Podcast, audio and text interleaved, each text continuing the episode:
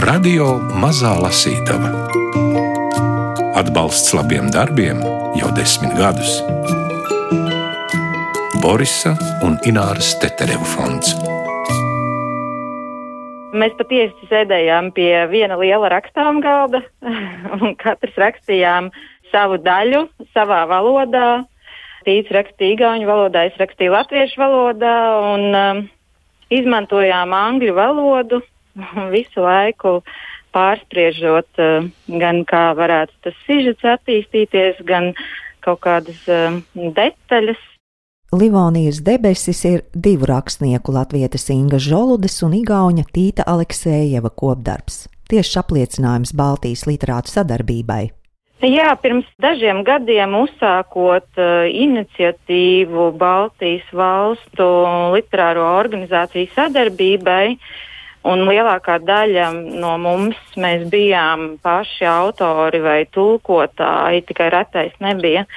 Mēs ātri vien sapratām, ka paļauties tikai uz uh, organizāciju sadarbību ir nepietiekami, un sākām domāt, ko mēs varam kā indivīdi, kā autori, kā tulkotāji, ko mēs varam darīt. Un, um, tad radās arī šī ideja, ka um, par Baltijas sadarbību, Baltijas literāro sadarbību ļoti tādā tiešā veidā. Nu, tad arī radās uh, ideja, ka varētu kopā uzrakstīt uh, šādu darbu. Protams, meklējot kaut kādus kopīgos krustpunktus, mēs ātri vien nonācām pie šīs uh, Livonijas un kopīgā vēstures mantojuma. Tā arī šī doma radās. Nereti Martas Skavronskas vai Martas Rābes, Rābe ir krauklis vāciski. Dzimusi 1684. mirus 1727.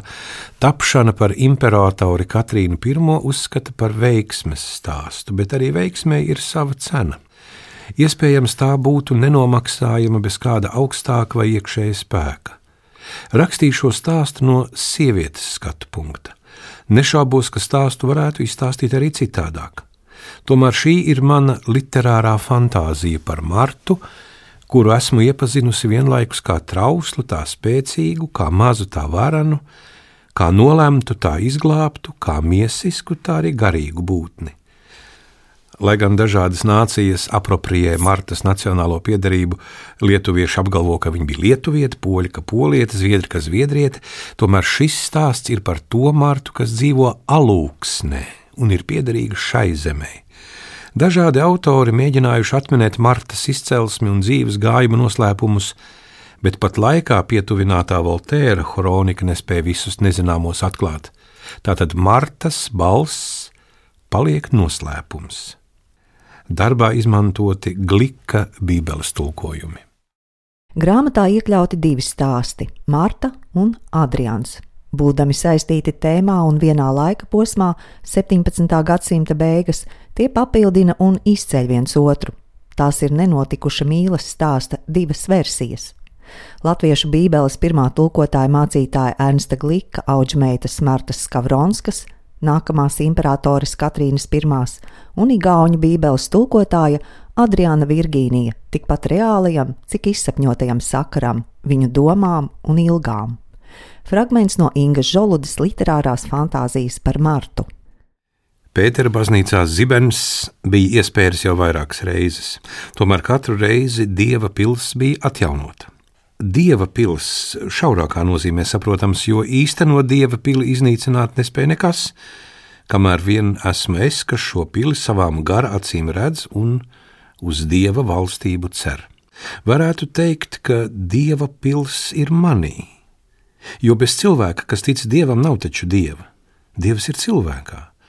Tā stāsta tā svētā grāmata, un tas jauns testaments, bet neviens to īstenībā nav izlasījis. Citādi jau viss to zinātu. Tāpēc es ceru, ka tēvoča glika Bībele atnesīs cilvēkiem gaismu, ko tie katrs varēs atmirdzināt tālāk un tālāk, līdz gaisma būs visapkārt. Vai tā ir metafizika, ko māca skolās? Diemžēl, varētu teikt, arī dievam žēl, Gaismu, kas visādi spīd laukā, daudz mēģina paturēt ieslēgtu un aptumšot. Taču tēvocis Gliks bija citādāks. viņam piemita tiecība īstenot to misiju, kas, viņš ticēja, ir viņa priekšā nolikta. Es redzēju viņa pārmainīto garu. Savu paļaušanos viņš bija apguvis ne tikai pēc burtiem un rakstiem, bet iemācījies dziļi sevī tik ļoti, ka tā bija kļuvusi par viņa būtības izteicēju, nevis tikai mācību, ko varēja atstāstīt pēc pieprasījuma. Dieva vārds, ko tēvocis garās stundās no saulēkta līdz saulrietam visādi pārcēlāja, tulkoja un komentēja, viņā bija iedvesis savu garu. Tā vajadzētu būt bijis ar visiem, kas kalpoja dieva vārdam, bet diemžēl tas tā nebija ar daudziem, kas apmeklēja tēvoci. Taču šis tulkotājs, kas pat labam bija atceļojis no ziemeļiem, šķita patiesi savā atdevībā ļaut dieva rakstiem arī sevi pārrakstīt. Viņš tos pārrakstīja no vienas valodas citā, bet patiesībā raksti pārrakstīs viņu pašu. Tādā nozīmē viņš vēl bija negatavs, bet viņš bija gatavs tālākam darbam, kas atspoguļosies viņā pašā un izmainīs viņa vaipstus. Es sargājos, lai mani vaipsti nenodod manu iztēlošanos par to, kas viņu varētu sagaidīt, bet ak, vai kas gan sagaidīja mani? Kāpēc zināšana par citiem nepievienoja gudrību uzminēt pašai savu likteni? Mans liktenis zīmējās drūms. Lai gan manī bija dieva pilsēta, tajā nelāgā kārtā bija iedēta ola, un tajā olā bija cālis, taču arī tajā bija dieva pilsēta. Manā dieva pilī bija vēl viena dieva pilsēta, mana bērna. Ja tante Kristīna uzzinātu, ka tā no Kristiāna Bernharda iedēta, un mēs tādējādi nenovēršam kļūt par radiniecēm, nervu čūska sažņaugtu viņu vēl stiprāk. Ja šīs baznīcas tronis tagad pēkšņi sabruktu vēlreiz, pār mūsu galvām saplīstu arī slepenā ola, un man nevienam nebūtu jāpaskaidro tās dējuma vēsture. Bet tornis nesabruka. Tas varētu sagrūt vienu no pārliekas runāšanas. Svežzemju tulkotājs vēl ar vienu runāja un runāja, šķiesdamies ar tādiem vārdiem, kas viņam būtu jāizmanto svētajai grāmatai, Varbūt tie būs jau otrais lietoti vārdi, bet dievam tādi neder. Vārdi ir vairāk par vārdiem, tie sevī slēpj atbildi, atminējumu. Mani nosauca par Martu. Kurš? Vai mamma vai paps? Paps, kurš atlidoja ar saviem melnajiem kraukļu spārniem, ielika mammā olu, un, kad viņi to izperēja, nosauca par Martu. Vai tādēļ, lai es pieredzētu nāvi? Vai mani tomēr gaidīja kāds brīnums? Un kāds gan brīnums? Manas saknes bija nocirstas, un es vairs nebiju koks, kas augs un pletīs savu vainagu plašumā, bet gan tikai baļķis. Mani varēja nomest jebkur vai iebūvēt jebkurā namā, arī dievnamā. Tomēr es vairs nebiju svētais materiāls tās olas dēļ, kas manī.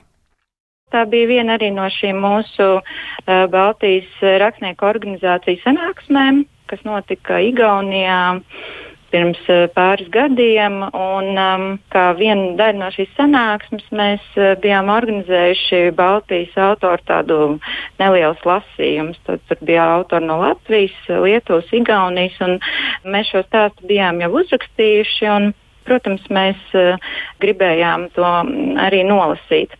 Tas bija ziemas laiks, bija ļoti augsts, uh, nezinu, mīnus 15, mīnus 20 grādi. Uh, Mēs bijām Kesmu. Un lasījums bija plānots kultūras centrā, bet šo ziemas apstākļu dēļ bija kaut kādas problēmas ar apkuri. Un tad ātri vien domājot, kur atrast citus telpas, lai notiktu šis lasījums šajā mazajā Kesmo ciematā, tika saorganizēts, ka šis lasījums notiks baznīcā. Tā tad maza Kesmo baznīciņa turpat baznīcas mācītājs, turpat eh, esmu iedzīvotāji. Un uh, tad mēs lasījām šos fragmentus šajā baznīcā. Es uh, līdz galam neticu, ka tā ir bijusi tāda sakritība. Tas bija, protams, ļoti īpašs brīdis. Laikam pirmais lasījums arī baznīcā. Man personīgi, un laikam jau tikai jau pēc tam, kad arī šis eh, kaut kāds varbūt lasījuma drudzis bija pārgājis, es vairāk sāku domāt par to, ko tas vispār nozīmē. Pēc tam arī mācītājs, viņš bija noklausījies arī starp citiem visiem klausītājiem šo lasījumu, un viņš pienāca mums klāt. Un viņš arī teica mums tādus ceļavārdus un svētīja, lai mēs šo stāstu pabeigtu. Nu, tas tāds īpašs brīdis. Un es domāju, ka šajā stāstā man arī iezīmēs kaut kādā mērā tā mm, atbilde par šo tēmu, kur radās šī tēma. Kāpēc es par to mm, rakstīju? Un, protams, ir um, ticības un dieva meklējuma tēma, pie kuras manuprāt, jebkurš autors agri vai vēl nonāk. Pēdējā laikā tieši mūzika man ielīgsmo visvairāk. Tas sakustina manu dienu, iekustina manu prātu, aizkustina manu sirdi. Piepieši kā uz spārniem, nu, vai tie ir kraukļa spārni, pie manis atlidoja mūzika no Rīgas, ko toreiz dzirdējām baznīcā. Kā kantors sauca un koris atbildēja, toreiz Rīgā Livonijas sirdī sirdī, kurā satikušās tik daudzas citas sirdis, arī mana un vēl kāda. Nezinu, kāpēc man bija sajūta, ka šī mūzika atnākusi atvadīties. Atcerējos, ka toreiz visi eņģeļi vairāk izskatījās pēc gargulām, tukli, neglīti bērneļi ar apaļiem vaigiem, it kā es tiem būtu aizbāzti paradīzes sāboli, kurus tie vēl aizvien nebija uzdrošinājušies pagaršot. Bet es jau toreiz biju pagaršojusi un zināju, cik tie rūkti, un zināju, kas ir izdzīšana. Un tomēr, tomēr, cik ļoti es biju sagrausta, izdzīvojot ījaba ciešanas, tik vēlāk es baudīju zāla mana augstās dziesmas tapšanu manā priekšā. Tie abi ir pavisam dažādi stāsti, un jocīgi, ka viens cilvēks var domāt par tiem abiem, cik vienā ciešanu, tik otrā mīlestības. Tagad mana baznīca bija cita, pareizticīgā un eņģeļi izskatījās citādi. Ikonās iezīmēti cilvēka izmēra un cilvēka izskata ar gariem un slaidiem spārniem un zelta nimbiem, īsta zelta vainagiem un mācekļu purpura un mēļos apmetņos. Katrs gleznotājs attēlo Jēzu savā laikā, ieģērb Jēzu, Mariju, Lācaru un arī Martu modes apģērbos un frizūrās. Viņi grib tos redzēt šajā laikā, šajā laikmatā, taču pastāv tikai mūžīgais. Ko es zinu par aizgājušiem laikmetiem un ko par nākamību? Neko. Tikai to, ka tie abi satikušies manī. Vai vēl kādā tie ir satikušies un pārmījušies tik krāšņi, dzirksteļodami kā asiņainā fejerverkā. Martas dzīve bija beigusies. Bet tā bija tikai viena no manām dzīvēm. Citā zemē man tagad cita dzīve - Katrīnas. Un šajā dzīvē man ir viss. Tīta Aleksejeva stāstu Adrians no igauņu valodas tulkojusi Māima Grīnberga. Šī, man liekas, ir, ir, mazs un brīnišķīgs piemērs tam, kā divi ļoti atšķirīgi rakstnieki pastāsta katrs savu stāstu. Tajā ir kaut kas vienojošs, tajā ir gala beigās mūsu visus vienojošs. Tātad Livonija, pirmie bībeles tūkotāji.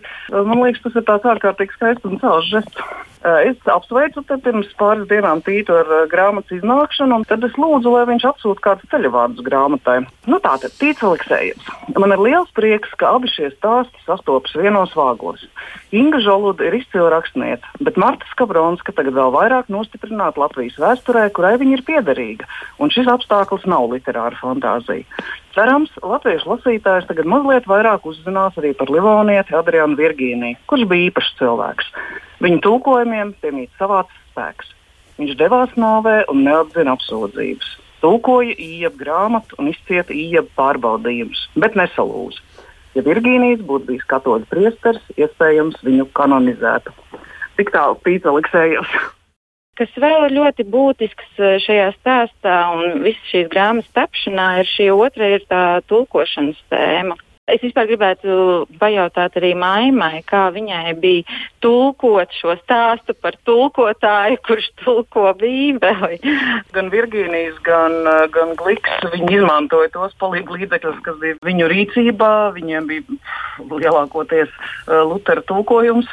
Nu, protams, vēl kaut kas, bet viņi balstījās Lutera tulkojumā. Mūsdienu tulkotājiem, protams, ir neaptverams daudzums pētījumu, materiālu, interpretāciju. Tā kā nu, neko darīt. Nu, mūsu ir veidojis savā ziņā, protams, mūsu un latviešu literatūra ir veidojis glika tulkojums. Tur neko nevar darīt. Un man patika abos tekstos. Gan Tīta, gan, gan Ingas tulkošanas problēmai veltītās rindas un uh, stipri aizraujoši. Jo diezgan daudz tādu nu, brīžu, kad, ko es pazīstu, ar ko ir saskāries jebkurš tulkotājs jebkad. Klusums, tad dzirdēju balsi. Tas no iema grāmatas. Tērbata, 1706. gads, pirms nāves soda. Vēls jau, miegs nenāk, pēdējā nakts pirms tumsas, es redzu tēlus, iztēles ainas gaismas nav, un nevajag arī. Drīz vairs nebūs nekā. Tad tāda ir nonākšana līdz galam. Rindiņa, vārds, komats, punkts, balta, nekā vidū. Pēdas, ko sniega laukā atstāja uzspurdzis putns, spilgts, žilbinošs tukšums. Es piedzimu Livonijā, Kambjas pastorātā nakts vidū. Svētīgais Andrejs teica, ka man jau mazotnē gribējies kļūt par mācītāju, ka esmu lasījis sprediķus bērniem, taču es viņam neticu. Tas nav tas, ko atceros es. Es izkomandēju tos mazos elles izdzimumus, un elles izdzimumi bēga kā no paša dieva dūres. Skolā es gāju tērbatā pie Dītera Meisnera. Tas bija pretīgi. Pēc tam Rīgā arī tas bija pretīgi, un pēc tam Ķīlē. Tas bija jauki. Es studēju teoloģiju, bet ne tādēļ, lai kāptu kancelē un noturētu sprediķus. Tā bija vienīgā disciplīna, par kuras apgūšanu svētīgais Andrejas bija gatavs maksāt. Tie bija labi gadi tur, Ķīlē. Es, Adrians, biju priecīgs, kā nepūkad necārs dzīvoja droši savā namā un laimīgi savā pilī, par spīti tam nolādētajam duelim. Žēl tikai, ka tā izrādījās pēdējā lāsa svētīgā Andrejās biķeri, un viņš nolēma saukt mani atpakaļ uz mājām, atpakaļ uz Livoniju. Nu, tur nu es stāvēju, es pazudušais dēls ar sagandētu plauktas locītavu un smagu sirdi. Svētīgais Andrejās skatījās uz mani, savilcis uz acis kā vāravs, un neteica neko. Un arī man nebija daudz ko viņam teikt, bijām kļuvuši viens otram sveši taču viņš bija mans tēvs un man nebija kur iet. Es biju viens liels juceklis, tumsa kunga teltī. Mēs ēdām klusēdami, katrs savā misiņa kandelabra pusē. Ēdiens bija slikts, un vīns bija vēl sliktāks. Pēc sīpoliem dvakojošā kalpone, kurai bija izbiedēta seja, aiznest augus no galda. Livonija, es nodomāju, Ānus Mundī. Klaretu? jautāja svētīgais Andrejs.